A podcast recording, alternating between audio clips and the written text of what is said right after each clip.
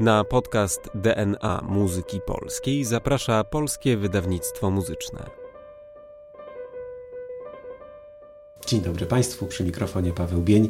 Witam w podcaście DNA Muzyki Polskiej. A dzisiaj, śledząc to skomplikowane i bardzo bogate DNA naszej muzyki, Mam przyjemność gościć Karolinę Kolinek-Siechowicz, redaktorkę ruchu muzycznego, filozofkę, muzykolożkę, absolwentkę MISCHU Uniwersytetu Warszawskiego, a obecnie doktorantkę na Wydziale Artes Liberales, gdzie przygotowuje pracę doktorską poświęconą współczesnej recepcji muzyki dawnej. No i właśnie z Karoliną, której dziękuję bardzo za przyjęcie mojego zaproszenia, dzisiaj e, będziemy rozmawiali o Józefie Elsnerze, o człowieku, którego nazwisko w listach Fryderyka Chopina pojawia się wielokrotnie. Chopin w liście do rodziny w sierpniu 1829 roku na pytanie o to, gdzie tak doskonale nauczył się grać, odparł słynnymi słowami odpowiedziałem, iż z panem Żywnym Jelsnerem największy osioł by się nauczył. E, no ale myślę, że ten wspaniały skądinąd szopenowski żart nie wyczerpuje całej potęgi talentu Elsnera, bo to przecież nie tylko znakomity pedagog, to także wielki autorytet muzyczny i tutaj przeglądając tę szopenowską korespondencję znalazłem taki bardzo ciekawy cytat pochodzący z roku 1830, kiedy dwudziestoletni Chopin wymienia różne znakomitości lokalnego świata muzycznego, pisze, będzie i Kurpiński, i Soliwa, i cały najlepszy muzykalny świat, ale tym panom, wyjąwszy Elsnera, nie bardzo ja wierzę. Dlaczego Chopin wierzył Elsnerowi, czym Elsner zaskarbił sobie e, nie tylko ten wielki autorytet, ale także przyjaźń największego polskiego romantycznego kompozytora? O tym dzisiaj będziemy dyskutowali. No i mam nadzieję, że tę trudną zagadkę uda nam się rozwikłać. A zatem, jak to się wszystko zaczyna? Bo zaczyna się bardzo skromnie na Śląsku Opolskim, w niewielkiej miejscowości i w rodzinie niemieckiej. Y, otóż to i myślę, że to jest bardzo ważny i ciekawy wątek, że zaczynamy właśnie w rodzinie niemieckiej, a kojarzymy Elsnera właściwie jako założyciela w pewnym sensie muzyki polskiej. Moniuszko pisał o nim, że jest to nasz pierwszy założyciel muzyki naszej narodowej, więc no mamy tutaj taki bardzo, bardzo ciekawy przykład fuzji właśnie y, tożsamościowej, mam wrażenie. Zaczynamy w Grodkowie, gdzie Józef Elsner urodził się, w rodzinie, gdzie również były związki z muzyką, ponieważ jego dziadek był budowniczym instrumentów muzycznych i e, również miał na imię zresztą Józef. Także myślę, że to jest jakiś taki tutaj znak szczególny Józefa Elsnera, że już od, od zarania swego miał do czynienia z muzyką, natomiast przyszedł na świat w Dzień Dziecka 1 czerwca 1769 roku, także myślę, że to była jak najbardziej szczęśliwa gwiazda. Chociaż co do samej daty urodzenia Elsnera są też tutaj spory, bo Wojciech Bogusławski podawał później w pismach poświęconych Elsnerowi datę 29 czerwca, także tutaj stuprocentowej pewności nie mamy, ale myślę, że przyjęcie daty 1 czerwca jest jak najbardziej sympatyczne i uprawnione, zwłaszcza, że ona widnieje na jego nagrobku. Jest pochowany zresztą na warszawskich Powązkach. No myślę, że ten Dzień Dziecka jest tutaj dobrym tropem, tym bardziej, że już jako dziecko Elsner rozpoczyna swoją karierę muzyczną i to rozpoczynają zdumiewająco co wcześniej, bo we Wrocławiu w kościele świętego Wojciecha zostaje wykonany jego motet na dwa głosy solowe z Towarzyszeniem Instrumentów, jak podają źródła, kiedy Elster miał zaledwie 13 lat. No ale w tym domu chyba muzyka była obecna, prawda? Zdecydowanie. Uczył się gry na skrzypcach właśnie od wczesnych lat, także ta, ta umiejętność pozostała w nim na długie lata e, i wykorzystywał ją również właśnie e, do kameralistyki, o której myślę, że będziemy później troszkę rozmawiać. Właśnie, właśnie jako skrzypek występował, ale również śpiewał w chórze i myślę, że jakby ta nabyta w chórze umiejętność muzykowania zespołowego, wokalnego, ale też ta niemiecka tradycja y, śpiewu choralnego, muzyki religijnej, która była przecież y, właśnie wykonywana tak wspólnotowo, właśnie w chórach, bardzo mocno wpłynęła również na jego kompozytorskie pióro, bo przecież jest autorem ogromnej liczby kompozycji religijnej. To jest w zasadzie gro jego twórczości, także y, może właściwie nie zdajemy sobie z tego do końca sprawy, ale to twórczość religijna jest jego takim najznaczniejszym dorobkiem, w tym słynna pasja, która jest uznawana za takie szczytowe osiągnięcie właśnie Elsnera, jeśli chodzi o kompozycję. Wątków religijnych tutaj będzie więcej, tak. bo przecież rozpoczyna studia teologiczne ale prędko je zamieni. I to jest bardzo ciekawa wolta w jego biografii, bo porzuca teologię dla medycyny. No więc właśnie, wydaje się, że ta medycyna była być może takim bardziej wyborem rodziców, którzy zapewne chcieli dla swojego syna jak najlepiej, życzyli mu e, takiej zacnej przyszłości lekarza. Jak wiadomo, pozycja lekarza w tamtych czasach była bardzo wysoka i, i zapewne był to ten trop. Natomiast rzeczywiście Elsner przerwał te studia ze względu na problemy zdrowotne. Ale też myślę, że to była jedna sprawa, a druga jednak umiłowanie do muzyki, które które chyba zwyciężyło po prostu w nim i było tak silne, że, że jednak zwrócił się właśnie ku studiom muzycznym i z muzyką związał swoje życie. Przecież na tak wielu polach, bo nie tylko kompozytorskim, ale też y, jako organizator życia muzycznego. I myślę, że to jest taki bardzo ważny i mocny wątek jego życia, który również ma no, znaczenie dla nas jako Polski, dla naszej kultury, bo Elsner jest założycielem wielu zacnych instytucji. Tak jest, do tego za moment przejdziemy, tak. ale e, na razie Elsner jest jeszcze bardzo młodym człowiekiem, który porzuca teologię, zajmuje się medycyną, w międzyczasie choruje, ciągle czułym okiem spogląda w stronę muzyki, ale przecież e, na tym etapie jeszcze tego akcesu do polskości raczej nie zgłasza. Cały czas jest e, bardziej Józefem niż Józefem, więc jesienią 1791 roku wyjeżdża do Brna, gdzie pracuje jako skrzypek i dopiero później dotrze do Lwowa. Czyli e, można było być skrzypkiem nie mając e, takiego regularnego wykształcenia muzycznego, nie kończąc akademii? No więc wygląda na to, że owszem można było. Wydaje się też, że ówcześni muzycy byli o, o wiele bardziej wszechstronni. Często przecież zmieniali instrumenty, grali na przykład i na skrzypcach, i na altówce, często też na jakimś instrumencie dętym. I nie było to żadnym problemem, żeby dostosować się do warunków, w których przy przyszło im pracować. A to wykształcenie zdaje się, że było właśnie kwestią drugorzędną i wcale, wcale nie wpływało na to, żeby można było dostać doskonałą i dobrze płatną pracę jako muzyk. Czyli rodzice mogli niekoniecznie być zawiedzeni, że jednak z medycyną nie wypaliło, może jednak ta praca muzyka też mogła być zawodem popłatnym. No ale Elsner trafia w końcu do Lwowa, tam zostaje dyrygentem w Teatrze Cesarsko-Królewskim, no i bierze ślub. Tak, bierze ślub. Y, niestety ten pierwszy związek kończy się bardzo szybko, bo jego żona, jego pierwsza żona umiera przy porodzie y, córeczki Karoliny i zostaje Elsner sam z tą córeczką, ale później spotyka drugą żonę, zresztą też Karolinę, z którą już tworzy y, bardzo długoletni, szczęśliwy związek. Zresztą mamy świadectwa dotyczące złotych godów Elsnera z jego drugą żoną, na którą to okoliczność jeden z jego uczniów, Ignacy Felix Dobrzyński, napisał marsz, w którym cytuje e, melodię z opery Król Łokietek e, Elsnera, więc to taki piękny ukłon Piękny ucznia gest. w stosunku do mistrza i związany zresztą z okolicznością rodzinną. A czy myślisz, że to żony Polki wpłynęły na to, że Elsner tak bardzo zaczął się polonizować? No, myślę, że to jest dobre pytanie.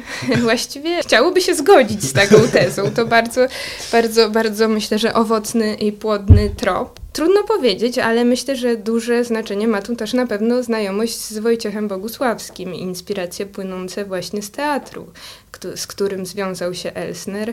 E, najpierw to miało miejsce właśnie w Lwowie, później w Warszawie. No ta kwestia, że musiał się nauczyć polskiego, żeby tworzyć opery w języku polskim, podejrzewam, że jednak miała kluczowe dla niego znaczenie, aczkolwiek jeśli zastanowić się nad jego inspiracjami muzycznymi, takimi pozawerbalnymi, niezwiązanymi z operą, to myślę, że ten polski wątek jest obecny już wcześniej właśnie w twórczości kameralnej, w kwartetach, które zostały napisane w guście, w najlepszym guście polskim. Już wtedy sięga po polonezy i po y, muzykę ludową polską. Na przykład mamy w jednym z tych kwartetów z opusu pierwszego cytat z pioseneczki Pije Kuba do Jakuba, Czyli on tę muzykę znał i jednak w jakiś sposób musiał ją cenić, skoro już wtedy do niej sięgał. Także myślę, że ta polskość ujawnia się właśnie na tym gruncie czysto muzycznym, muzyki instrumentalnej, już w bardzo wczesnym etapie jego twórczości. No a kiedy sięgnie po opery, to ten wątek polski będzie często bardzo tak. eksponowany. No wspomniałaś chociażby Łokietka, no to już sam tytuł nas na to na, naprowadza. Ale Elsner był też chyba człowiekiem z taką biznesową smykałką bo w 1802 roku e, otwiera przedsięwzięcie, które przyznam mnie szczególnie zaintrygowało, to znaczy własną sztycharnię nut zostaje wydawcą, tak? No więc właśnie, myślę, że to bardzo no, takie zmyślne z jego strony. Zresztą każde jego przedsięwzięcie wydaje się takie przemyślane i prowadzące do dużych sukcesów. Także wydaje się, że jego umiejętności właśnie takie dzisiaj powiedzielibyśmy menadżerskie były bardzo duże, bo każda z instytucji, z którą się wiązał, czy którą współtworzył, czy nawet tworzył, no, ma jakby takie kluczowe znaczenie, funduje jakby kulturę muzyczną Polski z tego tego okresu. Także myślę, że, że rzeczywiście poza swoją kompozytorską taką działalnością, która przecież też jest ogromna, on w zasadzie tworzył na wszystkich polach, we wszystkich gatunkach. I tutaj myślę, że takim ciekawym porównaniem jest właśnie porównanie z Chopinem, który jednak miał ten swój rozsądek i ograniczył się do twórczości fortepianowej pomimo zachęt Elsnera, prawda, żeby tworzyć w innych gatunkach, a Elsner zupełnie sobie tych ograniczeń nie stawiał, tylko brał się za każdy gatunek, który jakby w tych czasach był y, dostępny i w którym były tworzone kompozycje.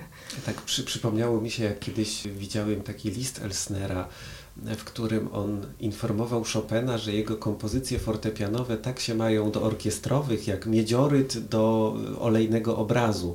No a biorąc pod uwagę, że jednak grafika traktowana była jako dzieło pośredniejsze, to jednak chyba ten prymat jednak pisania na orkiestry tu jest widoczny. Wspomnieliśmy o sztycharni, wspomnieliśmy o tym niesamowicie szerokim dosie, ale Józef Elsner to przecież także człowiek żywo zajmujący się krytyką. Ty jako nagradzana krytyczka, myślę, że możesz tutaj ocenić fachowym okiem, jakim krytykiem był Elsner pisząc na przykład do Allgemeine Musikalische Zeitung. No, zadajesz trudne pytania, bo muszę się przyznać, że akurat recenzji jego niemieckich nie czytałam, bo on był przecież e, e, no, korespondentem polskim Allgemeine Musikalische Zeitung, czyli no, pisał po niemiecku, tak, dla tej gazety o, o, polskim życiu muzycznym. Nie zagłębiałam się w te recenzje, ale myślę, że są one mm, po prostu doskonałym źródłem historycznym dotyczącym ówczesnego życia muzycznego w Polsce i to pewnie jest kopalnia wiedzy dotycząca tego właśnie, co się u nas wtedy działo. Nie tylko przecież jego oper, które wystawiał w Teatrze Wielkim, ale w ogóle życia operowego tego czasu, które udokumentowane jest wyłącznie w krytyce muzycznej i to jest, to jest myślę, że taki bardzo ciekawy mm, ten wątek krytyki muzycznej, że on, ona w tym czasie w 100% jakby dokumentuje to, co się działo i pozwala odtworzyć po prostu krajobraz życia muzycznego na podstawie recenzji. Dzisiaj już chyba aż tak doniosłej roli krytyka nie ma. I nie bądź taka skromna wobec krytyków i krytyczek. No ale na pewno wielką rolę nadal odgrywa edukacja muzyczna i to jest rzecz y, kluczowa i tutaj Elsner naprawdę ma się czym pochwalić, bo jak chciałem stworzyć sobie taką listę różnych uczelni, czy para uczelni, w których e, wykładał, czy nauczał, no to jest to lista naprawdę bardzo, bardzo e, długa. Wszystko zaczyna się od szkoły dramatycznej Bogusławskiego, później wynotowałem szkołę elementarną muzyki i sztuki dramatycznej, Instytut Muzyki i Deklamacji, szkoła główna muzyki, a później szkoła śpiewu przy Teatrze Wielkim, a nawet Instytut Guwernantek. No proszę, Jak, nawet Instytut Guwernantek. To, to fascynujące, prawda, że guwernantki były kształcone też tutaj muzycznie, kształcone tak, muzycznie. Tak. To, to bardzo takie demokratyczne, myślę. Demokratyczne i no, pokazujące jednak rolę muzyki w wykształceniu młodego pokolenia. To był właściwie nieodzowny składnik Także myślę, że no jest do czego wracać. Jest. postulujemy, tak. postulujemy y, y, powrót. No wspaniale, to już y, widząc na jak wielu polach Elsner działał, chciałbym, żebyśmy teraz przeszli do tego creme de la creme, czyli do jego kameralistyki. Chociaż ta kameralistyka oczywiście jest tylko częścią tego imponującego dossier. No, zaczyna bardzo wcześnie pisać kwartety. Co możemy powiedzieć o tych pierwszych kwartetach i od razu chciałbym y, Cię prosić o to, żebyś y, odniosła się do takiej informacji, którą znalazłem przygotowując się do naszego spotkania, o tym, że Elsner był jakoby pierwszym, który na ziemiach polskich pisał w ogóle kwartety smyczkowe. Tak, w doskonałej pracy doktorskiej Julii Gołębiowskiej przeczytałam, że właśnie jest y, on rzeczywiście twórcą pierwszych zachowanych kwartetów smyczkowych na ziemiach polskich. Także myślę, że spokojnie możemy go nazwać ojcem polskiej kameralistyki, y, zwłaszcza właśnie kwartetu smyczkowego. Jest autorem 11 kwartetów smyczkowych. Nie wszystkie są zachowane, ale mamy te trzy kwartety właśnie w guście, w najlepszym guście polskim. E, wydane w oficynie Johanna Trega. Są one właśnie przykładem kameralistyki takiej w stylu wiedeńskim, w stylu bardzo klasycznym, e, w którym dominuje właśnie głos pierwszych skrzypiec. To jest taka kameralistyka e, no powiedzmy nie najbardziej skomplikowana fakturalnie, niezbyt trudna jeśli chodzi o wykonawstwo, ale bardzo wdzięczna do wykonywania, bardzo oparta na wielu ładnych melodiach, które zapadają w pamięć, które łatwo wychwycić słuchając tych utworów. Często mamy tam właśnie dominację tego jednego głosu. Najczęściej to są właśnie te pierwsze skrzypce, no bo Elsner jako skrzypek z pewnością doskonale znał właśnie tę partię, ale czasami jest to też wiolonczela. No i przede wszystkim mamy tutaj nawiązania do polonezów, do rytmów polonezowych. Ta polskość tych kwartetów, która jest zawarta w ich tytule, odnosi się przede wszystkim do polonezów. Czasem to jest polonez na miejscu menu, więc tutaj Elsner rzeczywiście robi taki ukłon w stronę stylu polskiego, ale tak jak już wspominałam, mamy też e, właśnie ten cytat e, z piosenki, no powiedzielibyśmy raczej biesiadnej, Pije Kuba do Jakuba. I myślę, że tutaj e, istotnym takim wątkiem w związku z tym jest to, że to jest muzyka pisana właściwie dla przyjemności, dla przyjemności muzykowania, takiego wspólnego bycia, spotykania się i rozmawiania poprzez muzykę. No bo jeśli pomyślimy o kwartecie smyczkowym jako o inteligentnej rozmowie e, czterech osób, no to właśnie te jego kwartety jawią się jako takie doskonałe przykłady ówczesnego pisania na potrzeby właśnie takiego muzykowania salonowego czy wręcz domowego, bo on się spotykał ze swoimi znajomymi. Na początku to właśnie były spotkania mm, u jego nauczyciela w ogóle, jeszcze we Wrocławiu, gdzie przychodził do pana Hermesa pastora, który zapraszał do siebie studentów, ale i już dojrzalsze osoby i wspólnie muzykowali, y, wspólnie grali właśnie kwartety, czasem tria, czasem kwartety fortepianowe.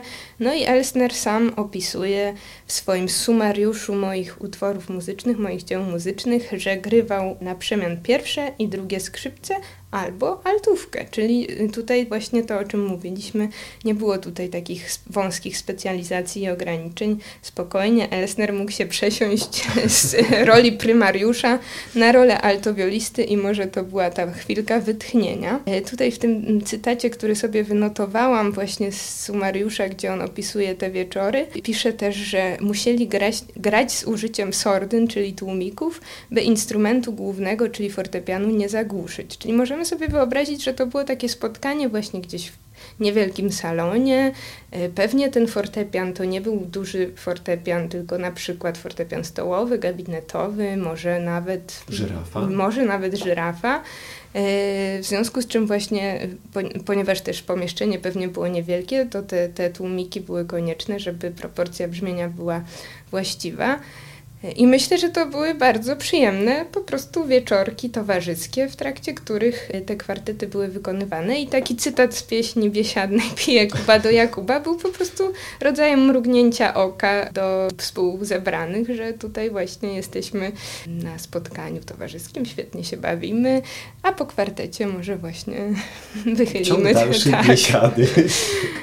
Ale ta y, elastyczność Elsnera w doborze tematów jest zdumiewająca, bo w 1804 roku skomponował e, poloneza, który powstał e, na temacie z opery Cherubiniego, więc no jednak od Cherubiniego do poloneza orkiestrowego wydawałoby się, że kawałek drogi jest, ale dla Elsnera to nie tak daleko. No więc właśnie, to jest też myślę fajny wątek, który pokazuje, jak łatwo było wtedy pożyczyć od kogoś jakiś temat muzyczny. Przecież ten właśnie sposób pisania na tematy z opery, najczęściej innego kompozytora, no to był jeden z najpopularniejszych takich sposobów właśnie zaczerpnięcia materiału kompozytorskiego.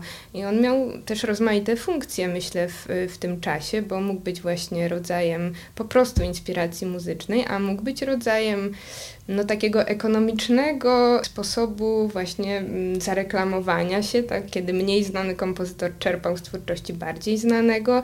Wiadomo, że taki utwór mógł się wtedy lepiej sprzedać, bo był oparty na czymś, co ludzie znają i lubią, zwłaszcza jeśli to było właśnie zaczerpnięte z opery, a mógł być też y, swojego rodzaju hołdem czy ukłonem w stronę kompozytora, z którego twórczości się czerpie i tutaj właśnie ten wspomniany Marsz Dobrzyńskiego z, z tematem z Łokietka Elsnera jako jako wyraz takiego muzycznego prezentu dla niego. No i sam Elsner oprócz właśnie y, wspomnianej przez Ciebie kompozycji, jest też autorem, i to też jest mocny wątek polski, trzech triów fortepianowych na tematy z opery Krakowiacy i Górale Jana Stefaniego, więc znów taki tutaj mocny akcent założycielski, y, jeśli chodzi o, o fundowanie kultury polskiej i pierwszych kompozycji w danych gatunkach, no to znów właśnie tutaj jest nawiązanie i do przecież takiej założycielskiej opery i no, były to prawdopodobnie jedne z pierwszych również triów fortepianowych w historii muzyki polskiej.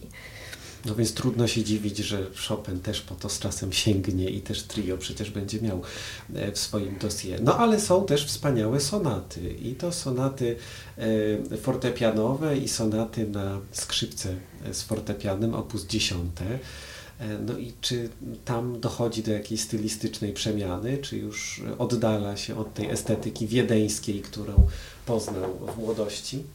Myślę, że są to dojrzalsze kompozycje rzeczywiście, aczkolwiek mamy też y, polonezy na skrzypce i fortepian, więc tutaj znów y, raczej ta, ta taka lżejsza estetyka. No wszystko to nie są jakieś doniosłe kompozycje. Wczoraj byłam na koncercie Chopina i jego Europy kameralnym, gdzie były kwintety Brahmsa i Dworzaka. No wiadomo, że kompozycja Elsnera to nie jest ta faktura taka nabrzmiała, emocjonalna, która wręcz pożera człowieka, kiedy się jej słucha, tylko muzyka, która jest y, może mniej dojmująca, ale na pewno bardzo zmyślnie skonstruowana i świadcząca o doskonałym warsztacie kompozytorskim.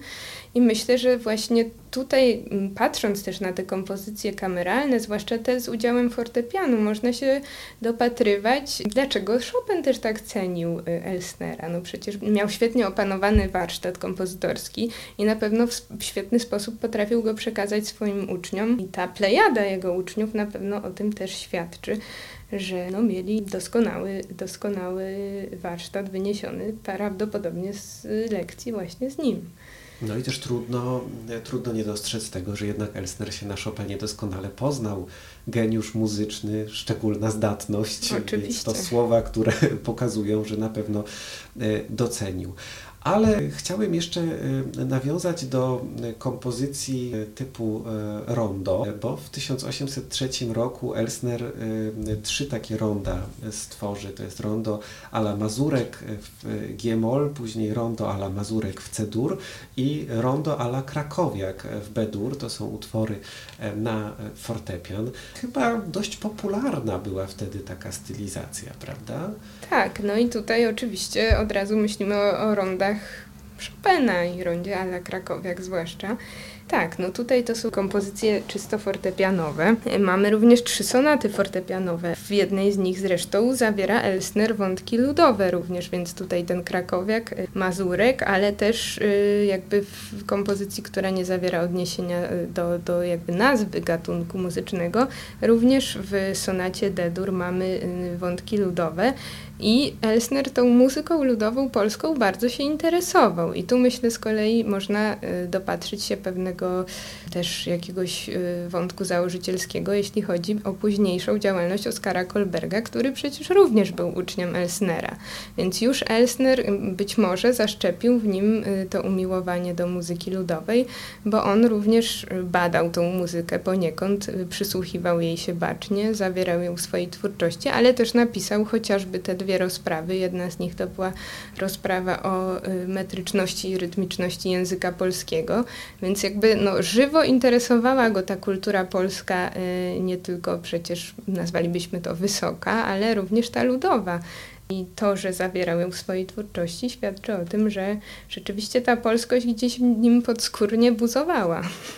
Ale chyba nigdy nie zdarza się Elsnerowi y, cytować tak dosłownie, prawda? Że raczej ten materiał ludowy jest zawsze poddawany pewnej obróbce, mówiąc brzydko. Tak, tak.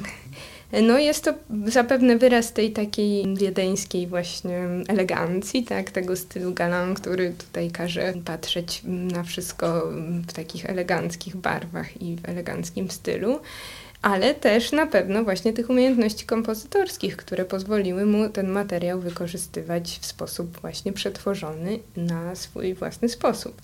No i sonaty fortepianowe, o których powiedziałaś.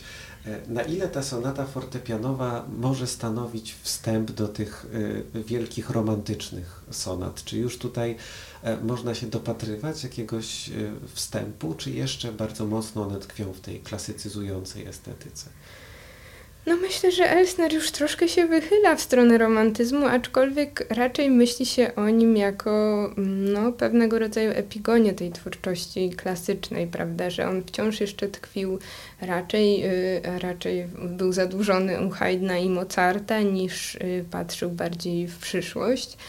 Y, niemniej no, jest to na pewno bardzo wartościowe i wciąż pozostaje jakimś takim punktem odniesienia dla późniejszych twórców, którzy już rzeczywiście wejdą mocno w ten wiek XIX, nasycony romantyzmem i, i takim bardziej burzliwym przebiegiem formy muzycznej. No, u Elsnera mm, to, o czym się mówi w takich technicznych kwestiach, na pewno przetworzenia są niezbyt rozbudowane, więc to, co w romantyzmie stanie się właśnie tym podstawowym takim momentem eksponowania swoich kompozytorskich pomysłów, czyli właśnie przetworzenie, u Elsnera wciąż jest niezbyt, niezbyt rozbudowane, więc myślę, że tutaj możemy właśnie obserwować raczej ten związek z XVIII wiekiem jeszcze z klasycyzmem.